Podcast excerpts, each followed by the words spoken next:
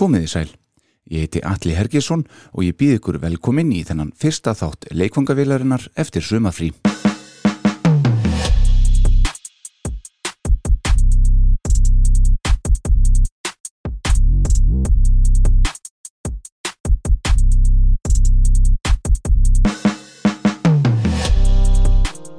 Þátturinn er í bóði hins tjeknanska léttbjórs Böttvæsir Búdvar en að öðru leiti er fátt létt í þættinum að þessu sinni.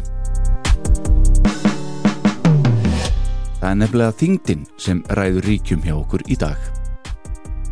Við ætlum að kynna okkur sögu eins af fremstu þungaróks gítarleikarum allra tíma. Dimebag Darrell var gítarleikari hinnar góðsagnakendu trasmetar hljómsveitar Pantera frá stopnun þeirra og þar til yfir lauk. Dimebag hlaut skelvilegan döðdaga í desember árið 2004 og kenna margir endalokum Pantera þarna ári fyrr um það hvernig fór fyrir honum meðal annars bróður okkamanns, hann Vinnie Paul. Við skoðum málið nánar í þættinum í dag og við fáum insinn í líf og feril Dimebag Darrell sem og þeirra félaga í Pantera. Metal góðsagnir í leikvangavílinni í dag.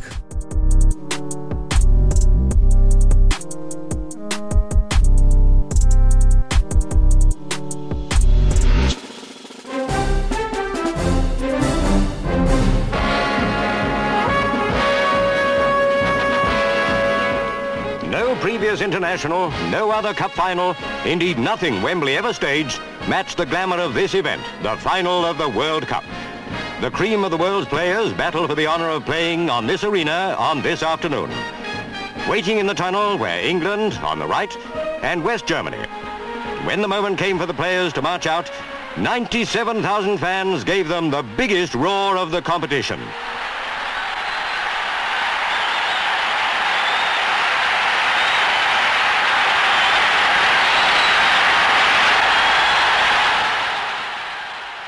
Það er 20. ágúst og árið er 1966. England eru nýlega ornir heimsmeistarar í fótbolta eftir úrslitaleik á móti vestur Þískalandi. Við erum þó stött í bænum Ennis í Texas fylki bandaríkjama. Bær sem er á stærfið Akureyri og er rétt tæplega 60 km söður af stórborginni Dallas.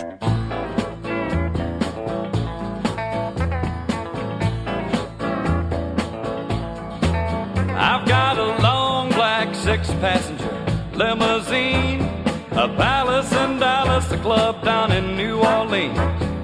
Diamonds on my fingers, silk imported clothes, and I can tell a fast train by the way she blows. So don't give me no plastic saddle. Ung hjón, þau Norma Karolin og Jerry Bob Abbott, egnast þennan dag sitt annað barn, dreng. Fyrir áttu þau annan dreng sem er þarna tveggja hálsás gammal. Karolin er heimavinandi með drengina tvo en Jerry Bob leggur stund á háskólanám en meðfram því og til að framflita henni nýstofnuðu fjölskyldu sinni vinnur hann sem tónlistarmadur með hljómsveit sinni og túra þeir mikið út um allt Texasfylki. En Jerry var vel leikandi bæði á gítar sem á piano. Nýjasti meðlumur Abbott fjölskyldunar fekk nafnið Darrell Lance Abbott og þar sem stutt var á milli þeirra bræðra í aldri þeirra Darrell og eldri bróður hans Vincent Paul Abbott sem ávalt var kallaður Vinnie Paul og við gerum hér eftir í þessari frásögn þá náðu þeir vel saman og vörðu laungum stundum við leik í gardinum heima í ennis. Lífið gekk sinn vanagang fyrstu árin hjá fjölskyldunni og þeir bræður fengu stert tónlistalegt uppeldi af hálfu föður síns sem æfði sig mikið heima á gítarin. Tónlistaráhugan erðu þeir því báðir frá föður sínum og var eldri sonurinn Vinnie Paul farin að spila á túpu um tí ára aldur og gerði það næstu árin. En þar sem Jerry sá enga framtíð í þeirri spilamennsku eldri sonar síns fekk hann Vinnie Paul til að skipta yfir í trommur og keifti þá fyrir hann hans fyrsta trommusett. Á sama tíma var sá yngri, Darrell, farin að spila einnig á trommurnar og stelast í þær þegar stóri bróður sá ekki til. Darrell náði þó ekki sömu tökum á trommuleiknum líkt og bróður hans og fór hann þá að byggja um gítaraðgjöf til að geta spilað með bróðu sínum sem og að feta í fótspór föður síns. Sá draumur var svo að veruleika á 12 ára amalistegi hans árið 1978. Þá gáfi fóreldra hans honum Hondo-gítar í Les Paul stíl og lítinn gítarmagnara með. Þegar hér er komið í sögu voru þeir bræður farnir að hlusta mikið á hljómsveitina Kiss þar sem þeirra uppáhaldsmenn voru auðvitað Peter Criss og Ace Frehley. Vinnie Paul var hér heldur betur farin að geta haldið takti á trómunum og oftar en ekki málaðan sig sem fyrrnemdur Peter Criss áður hann hóf að spila á trómurnar. Okkar maður, Darrell, horfið þannig að dónar augum og eldri bróður sinn hamra á trómurnar þar sem hann sló taktin undir vinsalustu kíslugunum.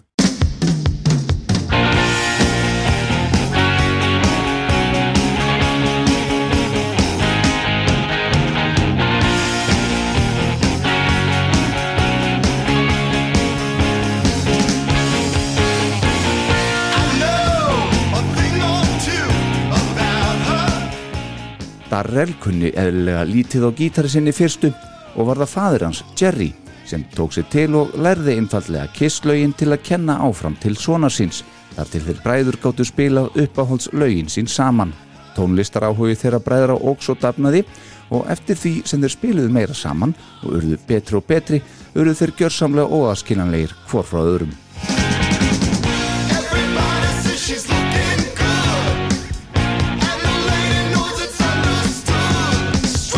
Tónlistin átti þá alla, hvert bein. Fljótlega voru þeirri bræðurnir farnir að spreita sig á lögum annara hljómsveita en Kiss og nefni ég þar bönd á borðið Black Sabbath, Van Halen, Deep Purple og Judas Priest. En það var einmitt þungarokkið sem átti hug þeirra begja frá upphafi og hafa þeir ávalt rekið það aftur til þess þegar þeir heyrðu í fyrsta skipti í hetjónum sínum í Kiss árið 1979 skildu fóreldrar þeirra þau Jerry og Karolín eftir 17 ára hjónaband. Karolín fluttist á samt bræðrónum tveimur til borgarinnar Arlington sem er þó eins konar útkverfi Dallas. Jerry sem þá hafði nokkur ár unnið sem upptökumadur í litlu hljóðveri í bænum Ennis flutti sig einnig til Arlington til að vera nær sónum sínum. Þar stopnaði hann sitt eigið hljóðver. Hljóðver sem hann nefndi Pantego Sound Studio og tók hann aðalega upp í fyrstu hérna ímsu country tónlistarmenn auk þess sem hann hófa semja slík lög fyrir fjöldan allan af listamönnum í þeim geira og má þar nefna fólk eins og Emmylou Harris og Freddie Fender. Bræðurnir eittu miklum tíma í hljóðurinn hjá föður sínum þar sem þeir fylgdu spendir með upptökum hérna ímsu country listamanna. Darrell drakk allt í sig sem hann sá og heyrði og náði hann að læra heilan helling af mörgum af þeim gítarleikurum sem hann fylgdist með þarna í Pantego Sound hljóðurinu mönnum eins og Buddy Henderson eða Bugs Henderson á samt auðvitað sjálfur föður sínum sem dæmi. Við heyrum hér í föður hans Jerry Bob Abbott flytjalægið The Bottom of the Bottle.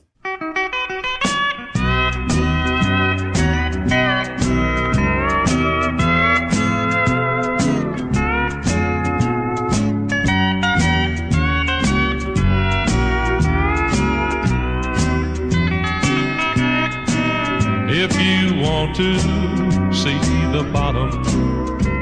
If you need the blues, I've got them.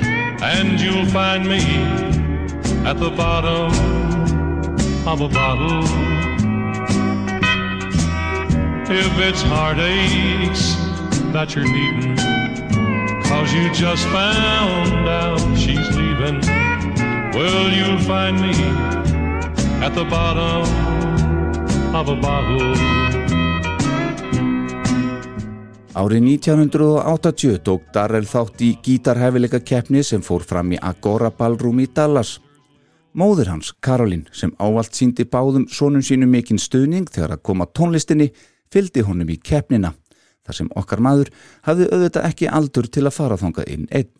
Einn af dómurum þessara keppni var Dín Selenski, stopnandi Dín gítarframleðandans sem þarna var ekki nema rétt þryggjára gammalt fyrirtæki en er í dag eitt af farsælustu gítarframleðslu fyrirtækjum bandarækjana. Í þeirra vöruvali má finna fjöldan allan af svo köllum signature gítarum í nafni okkar manns sem og Dave Mustaine sem dæmi. En aftur að keppninni þarna í Agora Ballroom.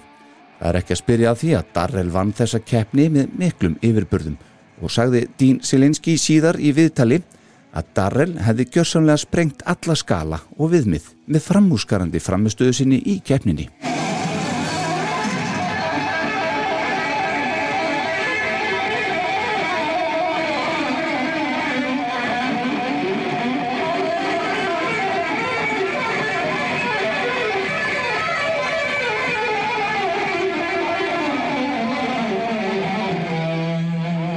Hæfileika keppnir sem þessar voru gríðarlega vinsalar í bandarækjónum sem og víðar á þessum tíma og tók Darrell þátt í þeim fleirum eftir þessa keppni. Flestar vann hann og kom að því hann fekk ekki ingöngu í þær fleiri og var hann þessi staðin fenginn í dómarasætið til þess eins að leifa öðrum að segra. Slíkir voru hæfileikar þessa unga gítalegara. Árið 1981 þegar Darrell er 15 ára og Vinnie Paul 17 ára stopna þeir sitt fyrsta alvöru band og fengu til liðs við sig vini sína þá Donny Hart sem þá sá um söng, Tommy Bradford sem leik á bassa og Terry Glaze sem spilaði á rithmagítar, auk þess að leika á hljómborð og sjá um bakrættir. Reyndar átti Darrell ekkert að vera í bandinu en Vinnie tók ekki annaði mál en að litli bróður fengi að vera með. Bandið hétt fyrsta árið bæði Gemini en einnig Eternity áður en þeir breyttu nafninu í Pantera. Sú nafnabreiting fór fram á svipum tíma og þeir skiptum bassaleikara. Bræðurnir höfðu þó spilað í jazzbandi skólan síns á samt bassaleikaranum Rex Robert Brown sem var einmitt bekkafélagi og góður vinnur vinni. Þeim þótti þó Rex vera töluvert betri bassaleikar heldur en Tommy auk þess að Darrell og Rex náðu strax vel saman í fyrrnemdri jazzsveit innan skólans. Söngvarinn Donny yfirgaf þá bandi á samt Tommy bassaleikara og við söngnum tók rithmagítaleikarin Terry Glaze. Rex kallaði sig þarna í fyrstu Rex Rocker og okkar maður Darrell bar sviðsnafnið Diamond Darrell í höfðið á kistlæðinu góða Black Diamond. Síðar breyti Darrell sviðsnafnið sínu úr Diamond Darrell yfir í Dimebag Darrell eins og við þekkjum hann í dag. Svona skipaðir hófu þeir fjórir að spila víða um Dallas sem og annar staðar innan Texas upp úr árinu 1982. Pantera urðu fljótlega nokkuð stórt nafn í underground senunni og hófuð þeir að hita upp fyrir glís metalbönd eins og Dokken og Quiet Riot og svo kristiljú metalsveitina Stryper. Þetta var til þess að nafn Pantera fór að spyrjast út fyrir Texas fylki og áður en þeir vissu voru þeir farnir að spila víðar og innan annara fylkja eins og í Oklahoma og Louisiana. Margir halda að fyrsta plata og þar að leiðandi frumrönn þeirra sé hinn magnaða Cowboys from Hell sem kom út árið 1990 en það er alls ekki svo. Árið 1983 ákvöðu Pantera að skella sér í hljóðverð. Hæg voru heimatökin þegar að koma því að bóka hljóðverðstíma því Jerry Abbott, fadur þeirra Vinni og Darrell rakaðu þetta hljóðverið Panteco Sound Studio og auki var hann umbósmaður Pantera líka. Jerry hafði einfallega gríðarlega trú á sónum sínum og félugum þeirra í Pantera og tók hann því upp þeirra fyrstu plötu í hljóðverðinu sínu þarna í Arlington og kom platan Metal Magic út þann 10. júni 1983. Hún innihjalt tíu töluvert glésmeiri lög en Pantera urðu síðar þekktir fyrir. Nánar um það hér á eftir. Jerry stopnaði nú sér útgáfi fyrirtæki í kringum þessa útgáfi sem hann skýrði einfallega Metal Magic, einmitt eftir þessari fyrstu plötu þeirra. Platan náði ekki miklu flugi og var hún í raun skoti niður af þeim fáu gaggrinundum sem þó veittu henni einhverja aðtikli. Allir voru þeir þó sammálaðum að ljósi punkturum við þessa frumrönd þessa nýja bands Pantera væri gítarleikur Darrell Abbott.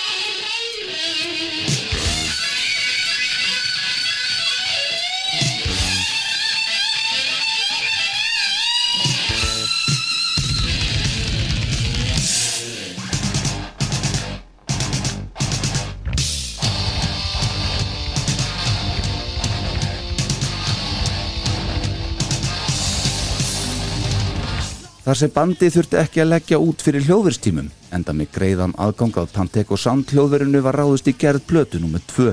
Aftur var það Jerry, fadir þeirra Vinni og Darrell og umbásmaður Pansim sem stjórnaði upptökum. Platan Projects in the Jungle kom út sumarið eftir frumrönd þeirra, rúmu árið síðar, eða nánan til tekið þann 27. júli 1984. Aftur var um að ræða tíulaga plötu stútfull af glísrokki í anda Kiss, Van Halen og fleiri slíkra en það voru meðlemið Pantera vanir að koma fram á tónleikum á þessum tíma klettir í spandex með mikið magna af andlitsfarða og auðvitað gríðarlega miklu magni af tilherrandi hárspregi. Projects in the Jungle fekk aðeins betri dóma heldur en frumrunnin en þó fekk söngvarinn Terry Glaze mikla útreið. Söngkans var líkt við árás á eirun og tekstarnir hans sagði verið trekk í trekk reynd útsagt fáranleir. Þó fengu þeir að heyra líka að bandið sjálft hefði tekið miklum breytingum og náð fram miklum þroska í lagasmíðum og fagmennsku í hljóðfæralegg. Pantera gerur sitt fyrsta tónlistaminnband og allt stemdi í rétta átt. En eitthvað fannst skakrinnundum þó vantað upp á.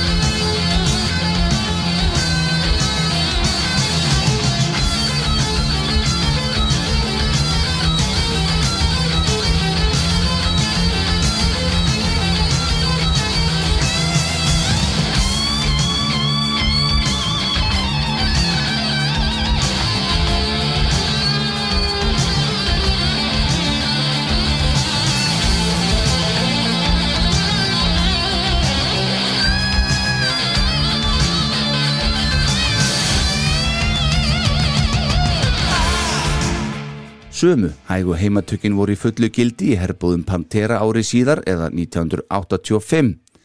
Þá kom þriðja platta sveitarinnar út, platan I Am The Night. Pantera sendu frá sér annar tónlistaminnband. Enn og aftur var glísið í fullum skrúða en þegar hér er komið í sögu voru bræðunir Vinni og okkar maður Darrell farnir að hlusta á töluvert þingri tónlist. Til dæmis voru plötunar Kill Em All og hinn splungunni að plata Ræta Lækning með Metallica í miklu uppáldi hjá þeim bræðurum sem og hjá bassalegara þeirra, honum Rex Brown. Ásand því að þeir þrýr aðhyldust mikið hljómsveitina slegir. Tónlist Pantera var því tekin að þingjast nokk mikið á þessari plötu sem einnig var tekinu upp og gefin út af skúfufyrirtækinu Metal Magic í eigu föður þeirra bræðra Jerry Pop Abbott og stjórnað hann auðvitað aftur upptökunum. Þessi leit þeirra að þingri og hrári hljómi í ætt við slegir og metallega þess tíma og í bland við glisi sem þeir bygguð þó enni yfir gerði það verkum að bandi fór að hljóma meira eins og mölli krú En þessi staðrind að bræðurnir á samt auðvitað Rex vildu hér fikra sig meira yfir í þingri tónlist fór ítlaði söngvara þeirra, hann Terry Glaze. Terry vildi alls ekki að bandi yrði þingra en þeir voru þegar ornir á plötunni I Am The Night og sagði hann því skiliði bandið árið 1986 ári eftir útkomu þriðju plötu sveitarinnar sem þó seldist í 25.000 eintökum á bæði vínil og kassettu.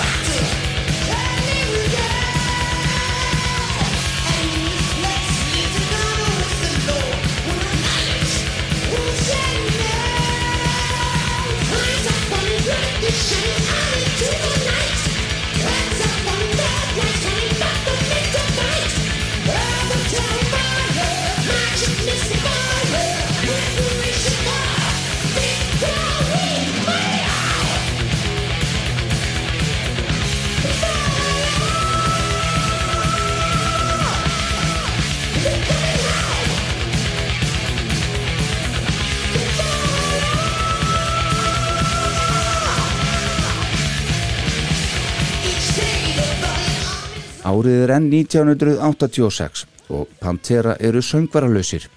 Nokkrir söngvarar sungu með bandinu á árinu 1986 en enginn af þeim hafði það sem Rex og bræðurnir voru að leita að. Þeir prófuðu meira að segja aftur fyrsta söngvara sinn, hann Donny Hart sem hafði yfirgefið bandið þarna fjórum árum fyrr ásamt Tommy Bradford fyrrum bassaleikara. Þeir fannst Donny ekki virka sem skildi og Jerry Abbott var fenginn til að reka hann aftur úr bandinu. Donny vissi það samt að hann var ekki maðurinn sem þeir leituðu að. Árið 1986 leið og meðan þeir mátuðu alla þessar söngvara við sig fannst þeim þeir vera að missa af lestinni. Plötur á borði Master of Puppets með Metallica, Reign of Blood með Slayer sem á Megadeth platan Peace Sells But Who's Buying kom út og allar hittu þær í mark. Það var ekki fyrir en 18 ára gammal drengur frá New Orleans að nafni Philip Hansen Anselmo gekk inn til að koma í pröfuð að hlutinir fóra gerast. Phil Anselmo hyrði að Pantera væri í leita söngvara og þar sem hann var í svipuðum hugleiðingum og þremenninganir hvað var þar tónlist og tónlistarstefnu ákvað hann að hafa samband og aðtókort hann mætti ekki prófa sig í hlutverki söngvara þeirra. Phil hafði verið í annari hljómsveit þar sem meðlimir vildu ekki þingja tónlist sína um of eða í takt við þær pælingar sem hann hafði. Því hafði hann sagt skili við þessa fyrir hljómsveitarmeðlimi sína og small nú sem flýs við rass inn í hópin hjá Pantera. Hann var ráðin í giggið á staðnum á þessari fyrstu æfingu þeirra saman. Pantera var orðið fullmótað band eins og við þekkjum það svo vel í lok árs 1986. Árið 1987 gekk í garð og mikil spilamennska tók við með nýjan söngvara í frontinum. Pantera náði að skapa sér starra og starra nafn með tímanum sem leið og vakti feiki mikla aðtikli hvert sem þeir fóru. Tótt þeirra þingdist með hverri æfingunni og þeir gáfu sér eiliti lengri tíma í þetta skipti til að semja og móta næstu plötu.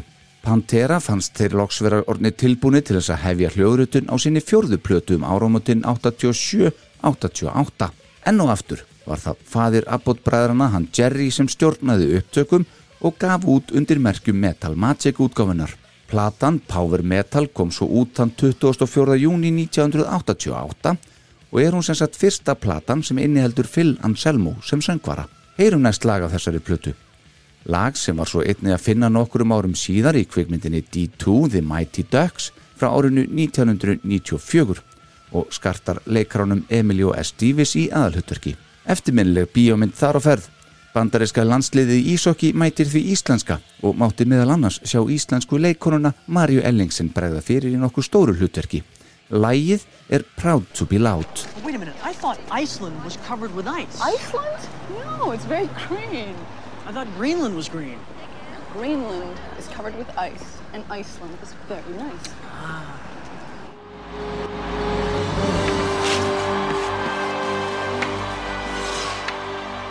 Father til landskotans. What does that mean? You'll find out.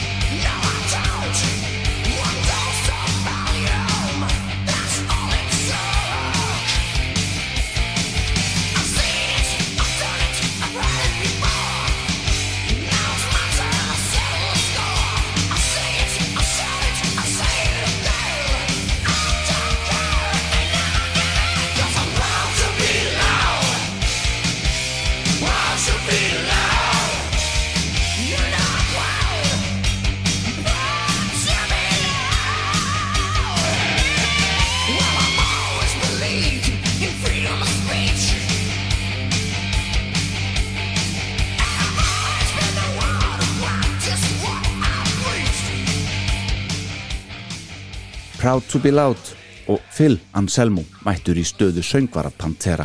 Með þeim á þessari upptöku sem gestagítarleikari og reyndar höfundur lagsins er maður að nafni Mark Ferrari. Hann var áður búin að vera í hljómsveitinni Kiel sem Kiss bassaleikarin Gene Simmons stjórnaði upptökum fyrir. Þá hafði Mark þessi einnig skömmu áður komið fram sem gestagítarleikari á plötu með hljómsveitinni Black and Blue sem Gene stjórnaði einnig upptökum fyrir en svo hljómsveit skartaði meðal annars núverandi gítarleikara Kiss honum Tommy Thayer. En þetta var heldur betur út út úr. Áfram með Pantera. Platan Power Metal stóð vel undir nafni. Pantera höfðu aldrei verið jafn þungir og blönduðu nú trassmetal saman við glesmetallin að mun meira afli. Þeir voru því hér farnir að kynna fyrir okkur allt annan hljóm heldur en áður. Það var svo okkar maður sem kallaði saman hljómsveitarfund þar sem hann komið á hugmynd að þeir myndu leggja öllu glisi, öllu spandexi og öllu hárspregi og einbeta sér að tónlistinni. Metallica væru að þessu og fleiri og þeir ætti að feti sömu spórun og sjá hvert þetta takið á. Láta tónlistina ráða. Það væru nú einu sinni þeir sjálfur sem sköpuðu tónlistina en ekki spandexið.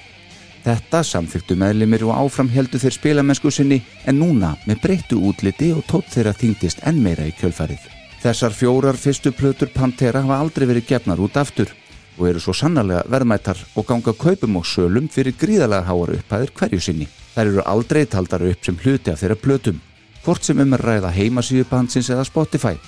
En þessar fjórar plötur er einmitt ekki að finna þar.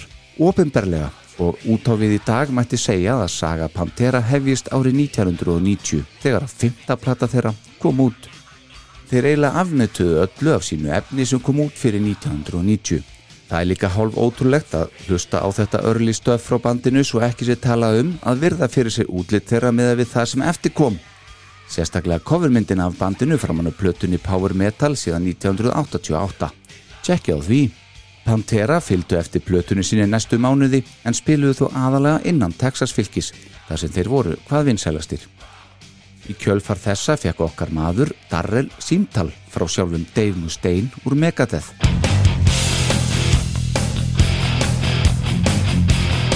You take a mortal man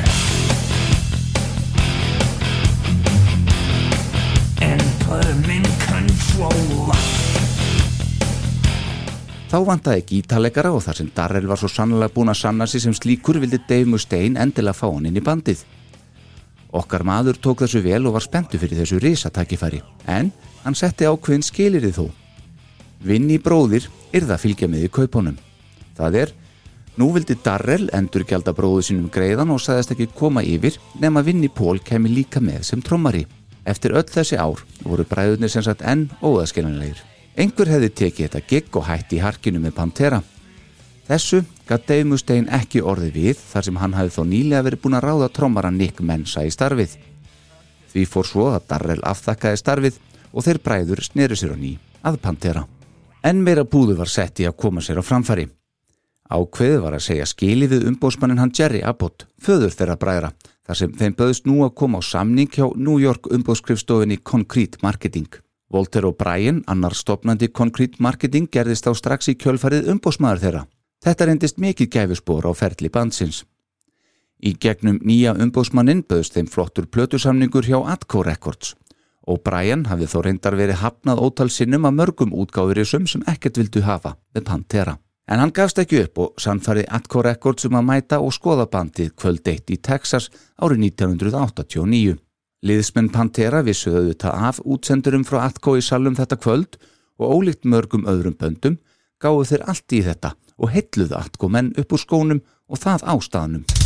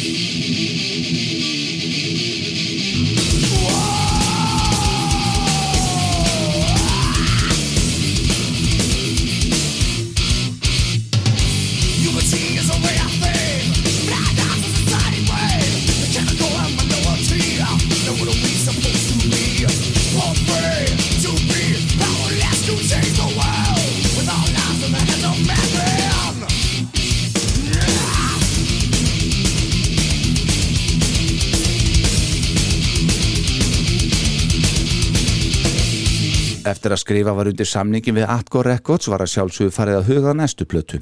Plötu sem margir þekkja sem fyrstu plötu Pantera en er auðvitað þeirra fymta breyðskifa. Pantera menn vildu fá Terry Date til að stjórna upptökum en hann hafði nýlokið við að stýra upptökum á nýjustu plötu sveitarinnar Overkill sem Pantera liðar höfðu þarna mikla mætur á.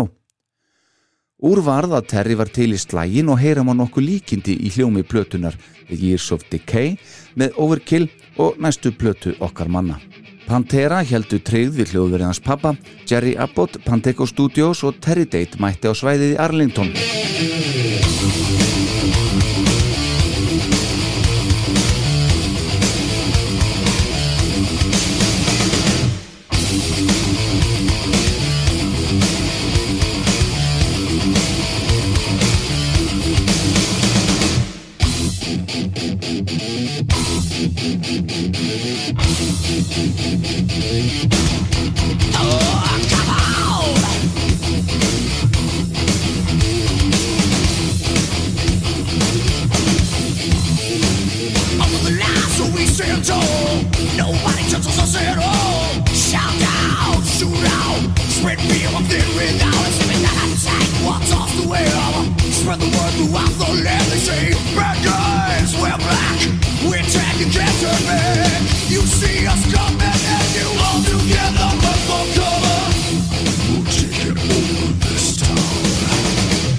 Platan Cowboys from Hell kom svo út þann 24. júli 1990 og er hún í raun sögð eins og við svo sem farið í gegnum vera fyrsta eiginlega verk Pantera úr hljóðveri og þá bæði að aðdáðundum þeirra sem á þeim sjálfum.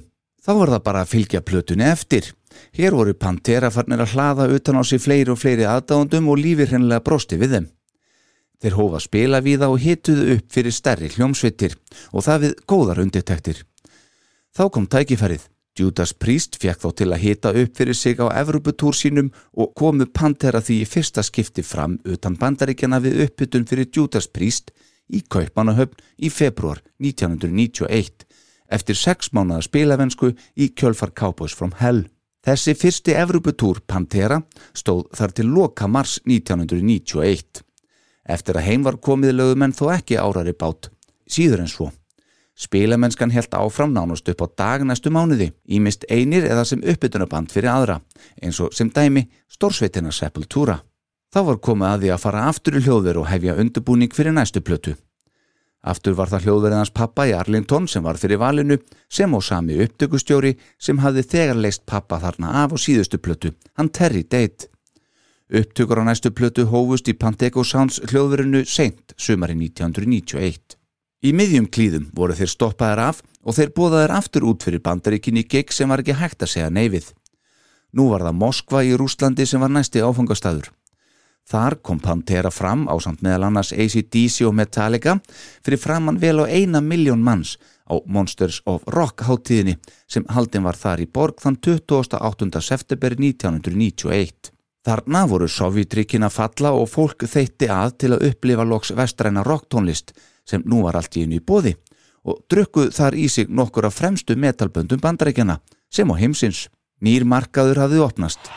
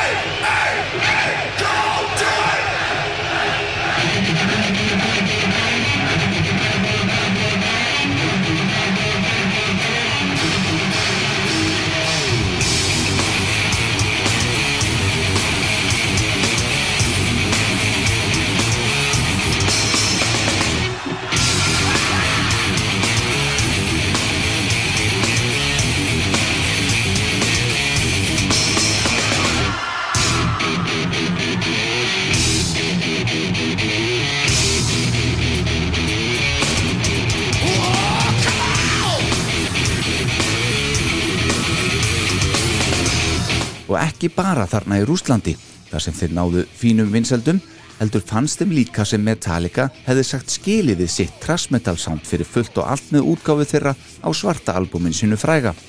Og það var þar sem Pantera menn sáu gata á markanum fyrir þá að fylla í. Þá var bara hamra járnið, klára plötuna heima í Texas og komin út. Vulgar Display of Power þeirra sjötta breyðskifa, eða á ég kannski að segja önnur, kom svo út 25. februar 1992 og var meiningin þeirra þar að gera einhverja þingstu plötu sem út hefði komið. Þetta gekk eftir.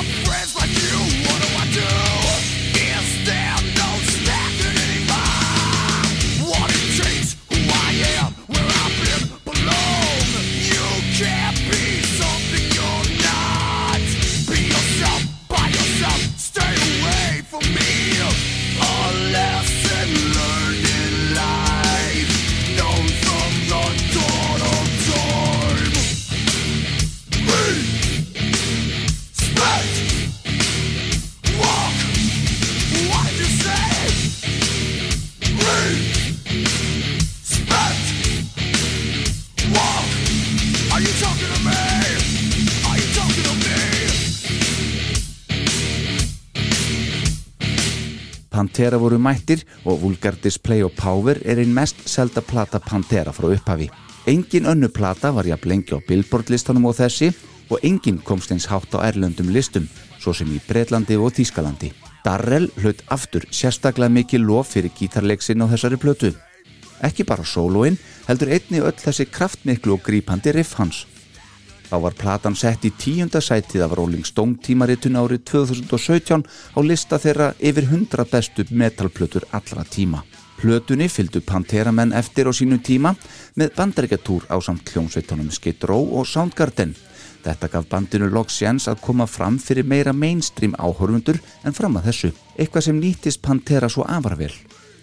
Einnig komu þeir eitthvað fram með White Zombie þetta sama ár áðan þeir heldu í aðra tónleikaferðum Evrópu en nú með Dave Mustaine og félugum í Megadeth. Ári síðar, eða 1993, var bandið komið aftur í hljóður. Hér voru okkar menn búin að færa sig til East-West útgáfunar en þeir heldu þó áfram með upptökustjóra sínum Terry Date. Terry var ávalt að verða vinsalli og vinsalli og áttu Pantera-menn og velgengni samstarfs þeirra við Tate klárlega hlut í því máli. En afrakstur þessara upptökutíma kom svo út þann 22. mars árið 1994. Þeirra sjöunda hljóðversplata kom út, platan Far Beyond Driven og er þetta platan sem var til þess að undirritaður uppgötaði bandið þá 15 ára gamall. Halleluja!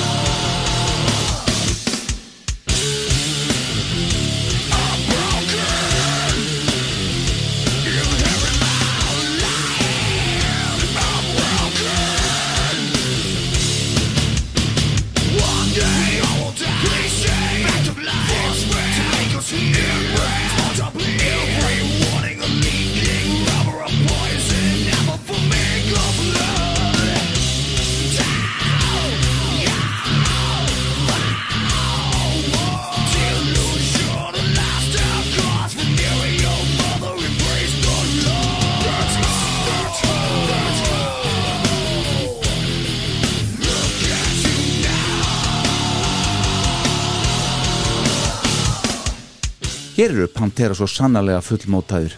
Þetta groove trash metal sound er fullkomnað og lagasmíðarnar eru frábærar. Riffin hjá okkar manni eru æðisleg og ekki skemma hvorki trommuleikur Vinni Pól nefn bassalegur Rex Brown fyrir. Þá er það Phil, Phil Anselmo.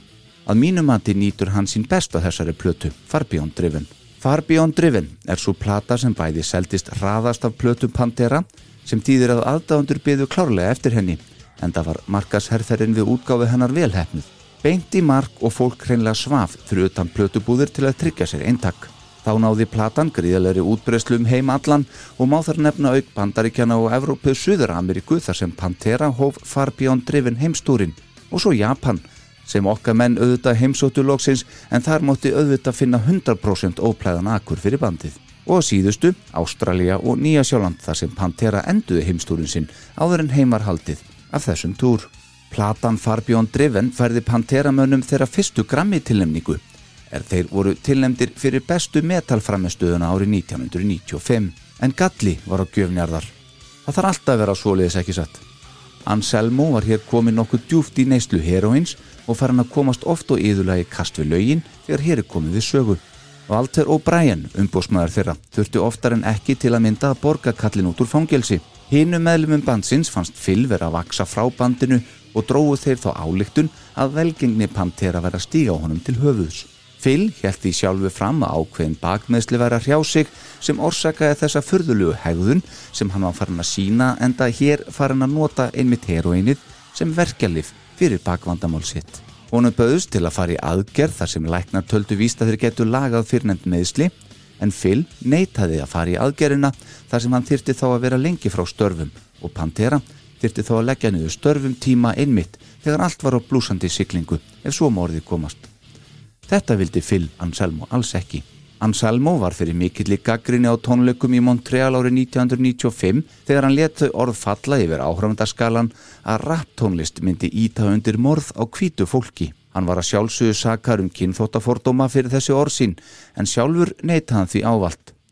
Þó gaf hann út skömmu síðar afsökunarbeðni og bar fyrir sig að hann hefði verið drukkin og því ekki vitað hvað hann verið að segja.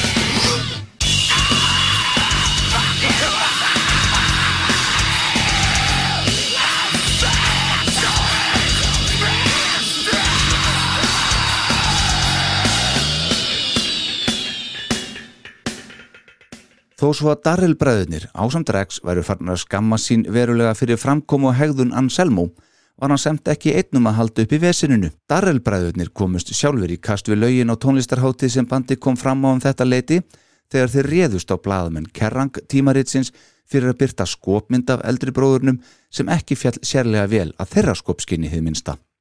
En hvað um það? Pantera fóru enn og aftur í hljóðverið til að taka upp nýja plötu. Það síndi sennilegast best að sambandi var orðið ansi stíft á milli Phil og annara meðlema bandsins að söngurinn var tekin upp í öðru hljóðveri en hljóðfæralekurinn. Pantera-liðar tóku upp hljóðfæraleiksin í Dallas á meðan að Phil tók upp sína söngspretti í hljóðveri Trent Reznor Nothing Studios í borginni New Orleans. Þessi áttunda plata þeirra var tekin upp frá oktober 1995 til februar 1996. Hún kom loks út þann 7. mæ 96 og ber heitið The Great Southern Trendkill. Tekstar og söngstíl Anselmo á plötunni bera þess verulega merki um hversu djúpt hann var sokkin í eitulega neyslu við upptökur á henni. En okkar maður hefur eins vegar oft á tíðum fengið mjög jákvæða dóma enn og aftur fyrir gítarleiksinn á plötunni og vilja margir gaggrinundur meina að The Great Southern Trendkill sé vannmennasta plata Pantera frá upphafi. Aftur var það auðvitað Terry Date sem sáum stjórn upptakna.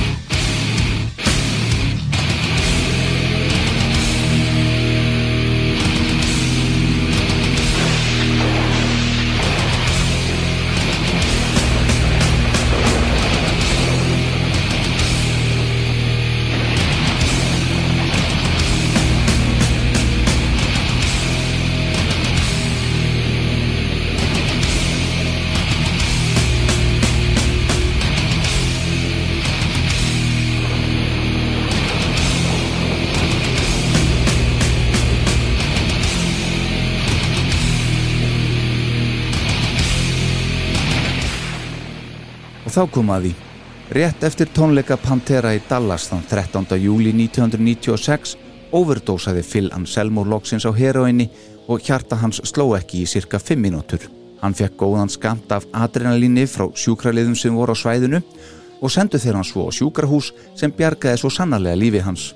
Phil var miður sín eftir þessa reynslu og lofaði hinnum meðlumum Pantera að hætta þessari neyslu, eitthvað sem gekk þó ekki alveg eftir, fyrir en kannski mörgum árum síðar. Pantera gáði svo út sína fyrstu hljómleikaplötuðu sumarið 1997 og spiluðu eitthvað saman ofinberlega þrátt fyrir að sambandi væri orðið ansistyrt. Meðal annars komuður fram á Osfest þetta ár 97. Þarna voru liðsmenn Pantera reyna plástra sárið og slíðra sverðin til þess að halda áfram sinni vegferð. Þó voru bæði Phil Anselmo sem og aðri meðlimir komnir í hinn og þessi hliðaverkunni með frambandinu. Tími leið og hliðarverkefnin fengu enn meira vægi þó svo að Pantera hafi kannski ekki alveg leið í fullum dvala árið 97 til 1998. Loks var þó ákveð að halda í hljóðver á ný árið 1999 til að taka upp sína nýjundu breyðskifu.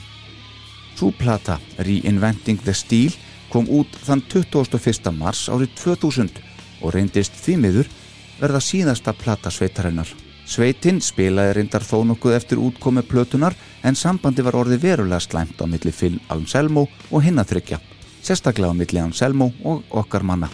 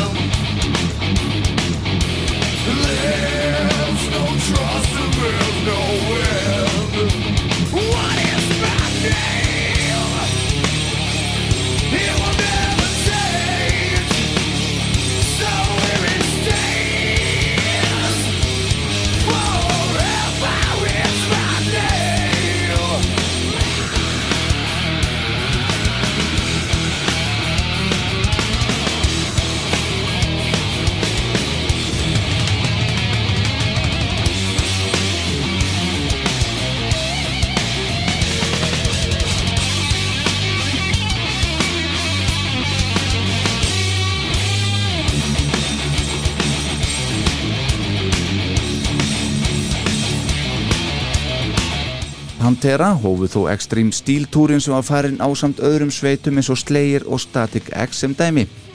Fyrst var það Norður Amerika og síðar Evrópa árið 2001. Þeir voru stattir á Evrópulegg á þeim túr þann 11. september það ár 2001 þegar að hriðuverka árásinnar á tvíburaturnana í New York var gerð.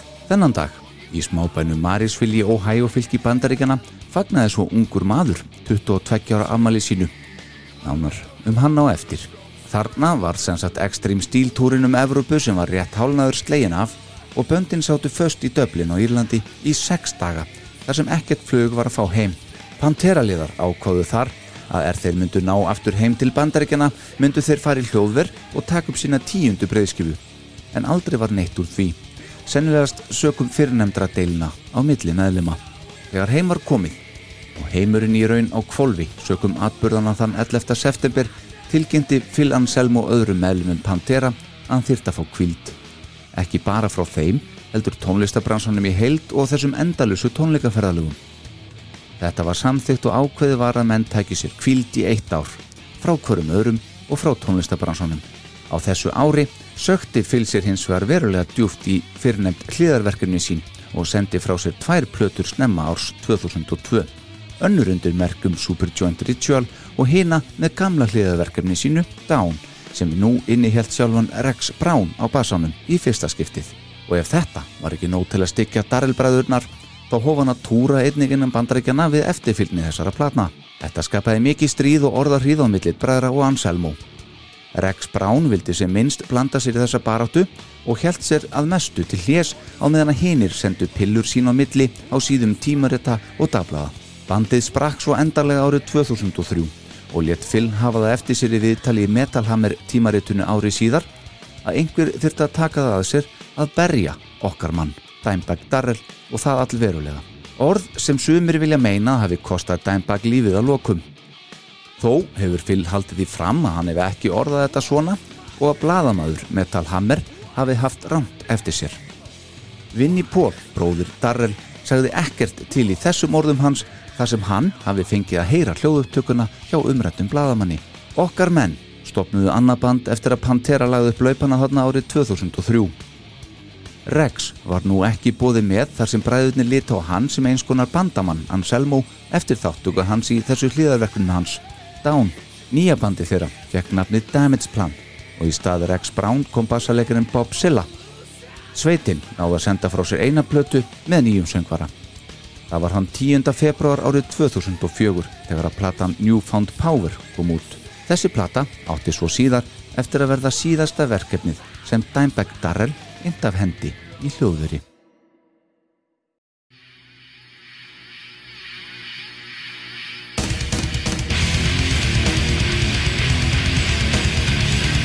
Damage Plan kom fram á tónleikum á Bogarts nætuklubnum í Cincinnati, Ohio þann 4. apríl við eftirfylgni sína á nýju plötunni sinni. Ungur maður og fyrirverandi hermaður að nafni Nathan Gale hljóp upp á svið og allir miklum skemmdum á búnaði sveitarinnar og eigum næturklúpsins með því að ganga þar bersesgang á miðjum tónleikum þeirra. Hann var þó yfirbugaður af öryggisvörðum staðarins áður hann náða að valda sér sjálfum eða meðlumum Damage Plan skafa. Damage Plan ákvaðu þó að kæra hann ekki frátt fyrir að Nathan þessi hafi valdið þeim alltaf 2000 dólar að tjóni þar sem þeir nettu ekki að sinna því að koma aftur tilbaka einhverju síðar til að bera vitni og fylgja eftir kærunni. Þessi stað gerðu þeir einfallega grín að Nathan og gjörðum hans.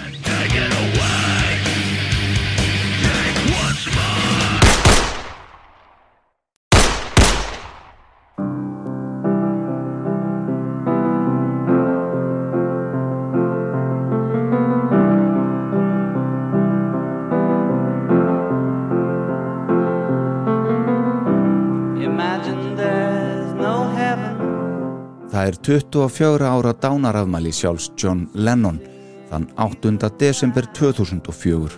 Damage Plan stíga þá á svið í næturklúbnum Alrosa Villa í Columbus, Ohio, bandaríkjónum. Um 250 gestir voru í salnum sem þóka tekið alltaf 600 manns við fullt hús. Damage Plan eru cirka hálnaður með sitt fyrsta lag á tónleikonum. Lægið með þennan tilvíljana kenda titil Breathing New Life þegar þessi 25 ára gamli Nathan Gale gekk aftur upp á svið hjá Damage Plan en nú vopnaður 9mm hálf sjálfvirkri skambissu. Fjölmargir heldu að umværa ræða hér hluta af atriði sveitarnar og fólk fagnaði mikið. En fljótlega áttuðu gesti sig á álveru málsins og mikill múgæsingur greip eðlilega um sig í salnum. Nathan skaut Dimebag Darrell nokkrum sinnum af stuttufæri og lest okkar maður á sviðinu með gítar sinn í höndunum, 38 ára að aldri. Dimebag hlaut fjögur skotsár, eitt í hægri kinnina, annað í svæðið við vinstra eirað, það þriðja í hægri hönd og loks það fjórða og síðasta í nakkan.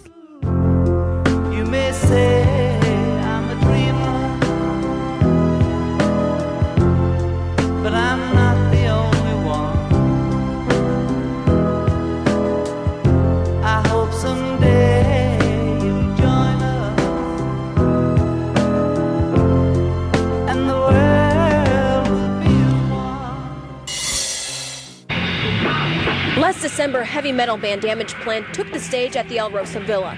During their first set, more than 200 anxious fans packed the concert hall to hear the group and one of the country's most known guitarists, Dimebag Daryl Abbott, play.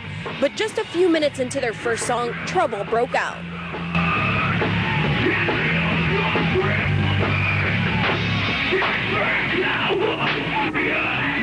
You can see shooter Nathan Gale in a black jacket and baseball cap charging on a stage and pulling out a gun. He was headed straight for Dimebag Daryl, the band's lead guitarist. The crowd, shocked, unbelievably didn't move. Someone on stage cried for help. Call 911, somebody! While Dimebag Daryl lays on stage with band members, even fans trying to resuscitate him, there's chaos. Police say minutes after Gale shot Dimebag, he takes a hostage and reloads his gun behind a speaker. In a matter of five minutes, Gale fired 15 shots before Officer James Niggemeyer took him down with one single shot. A single shot that saved lives. Moments later, Officer Niggemeyer steps in front of the camera, shotgun in hand, a blank look on his face. It's December 8th, 2004, An ex Pantera guitarist Dimebag Daryl Abbott takes the stage at a nightclub in Columbus, Ohio. At first, it seems like any other gig, but the 24th anniversary of John Lennon's murder is about to become another of the darkest days in rock history. Ten seconds into the set, 25 year old ex Marine Nathan Gale stormed the stage, brandishing a 9mm pistol. I just screamed as loud as I could and bam, bam, bam. I just remember screaming, he's shooting something, and Vinny came off the drum riser and he's coming at me and he's going, he just shot my brother, he shot my 911, what's your emergency? Seattle Rosa, we have a shooting. 911 emergency. Seattle Rosa Bar, please, we need help as soon as possible. Oh my God. 911. He came in with a gun and started shooting people. Oh, You're still shooting. He's on stage right now. He's got a gun. the guy's on stage with a gun? But my cell phone rang. It's Vinnie Paul. And he goes, Dude, I just saw my brother get shot in the back of the head five times.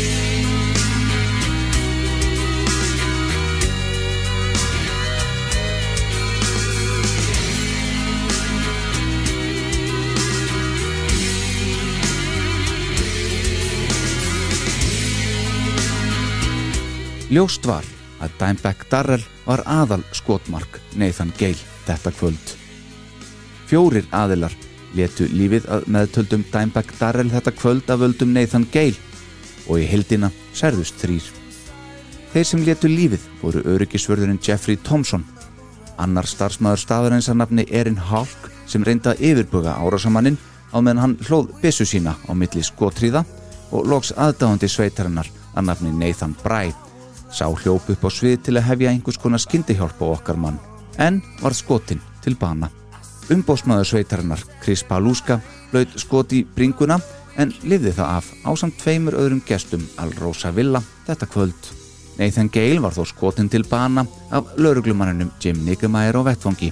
Nathan var fættur þann 11. september 1979. Fílikur drullusokkur.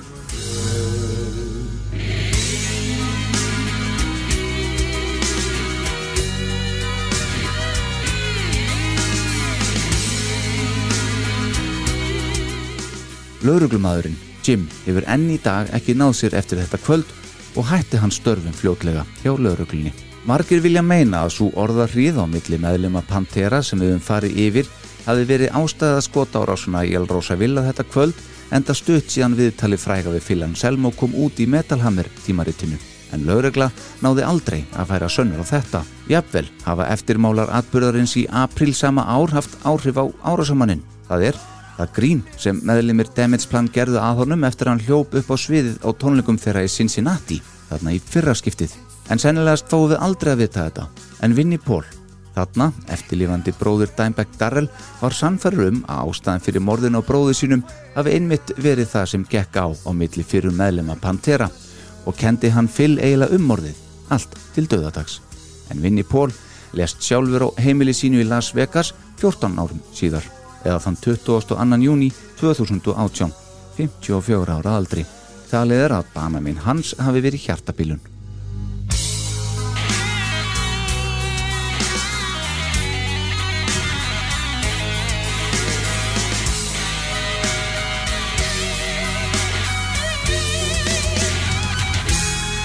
Vinnie Paul var með matrisluboki í vinslu þegar hann lest bók sem hann ætlaði að kalla Drumming Up an Appetite við Vinnie Paul bókin náðu þó aldrei út. Báður voru þeir bræðurnir jarðsettir í Kiss líkkistu sem Gene Simmons úr hljómsittinni Kiss útvegaði föður þeirra Jerry Abbott. Jerry er enn á lífi þegar þetta er tekið upp og er rétt að detta í áttræðisaldur og lifir því báða sínin sína. Karolín, kona hans og móður þeirra bræðra, lest hins vegar úr lúnakrabbameini árið 1999 og kvíla þau öll saman í Moore Memorial Gardens grafreitnum í Arlington í Texas. Vinnie Paul talaði ekkert við Phil Anselmo og lítið sem ekkert við Rex Brown eftir dauða bróður síns. Við vinslu þessa þáttar komst ég í samband við Rex Brown og bar ég undir hann ymsa hluti. Í februar árið 2021 samþykti Rex Brown að koma í viðtal hér í leikongavillinni eftir að tökum á næstu sóluplötu hans myndi ljúka og talaði hann þá um cirka mæ-júni þetta sama ár. Ég var því löngu tilbúin með handritið af þættinum og spurningalistin var einnig klár fyrir all nokkru síðan. Rex Brown hætti við viðtal þegar ég hafði samband við hann aftur senkt í júni 2021 og þá hafði hann gjörsamlega breytt um skoðun og harneitaði að gefa mér viðtal og í raun skellt hann hurðinni beint á nefið á mér. En það sem ég hefði geta spurt hann spjörunum úr, maður minn. En svona fórum sjóferð þá. Bæði Phil Anselmo sem og Rex Brown eru enn að búa til tónlist í dag, hvor í sínu horni þó. En á lokum. Heyrum aðeins í Phil Anselmo í tilkynningu sem hann gaf út skömmu eftir morðið á Dimebag Darrell árið 2004.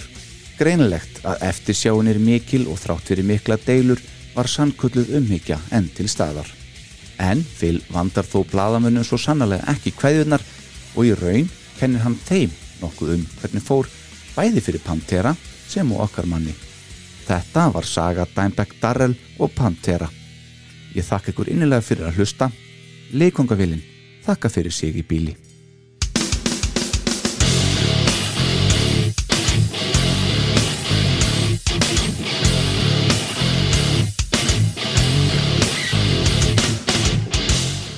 People want my reaction to what happened.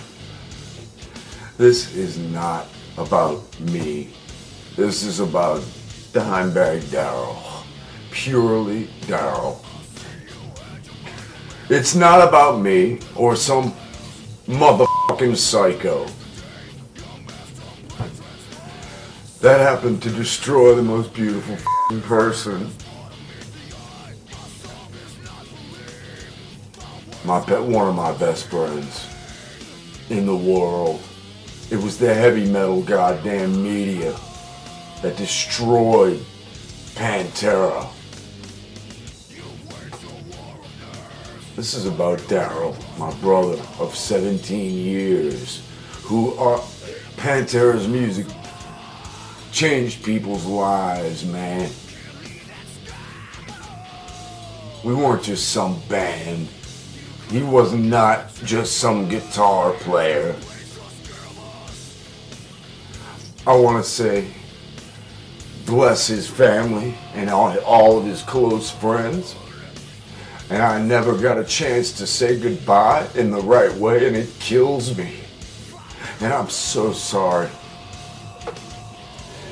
I wish to God I could have gone to his funeral, but I have to respect his family's wishes.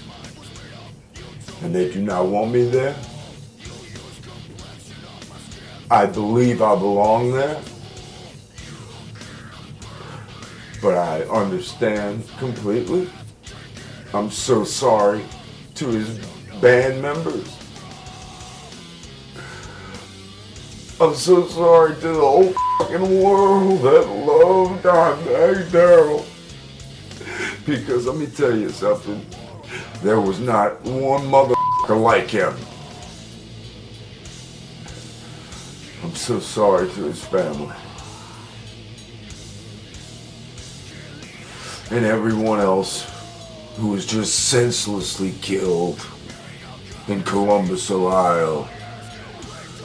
That's a town I love. That's a town I've played up hundred times, god damn it. I love that town. That's where Diamond Darrell got killed. This is very unique for me. And that's all I know. Just bless his family. Bless, bless his friends. I love him. Like a brother loves a brother. Vinnie Paul, my other brother. I'm so sorry. I'm so sorry to the cat who was shot twice. I would have taken a bullet for you, brother. Mark my words. Because I love you. And I love all of you. What is this world coming to? This has changed the world. I hope you all realize that now. This has changed the entire world. And this is the last you'll be seeing of me for a long time. I hope you're happy. He- heavy metal music magazines, media. I hope you're happy.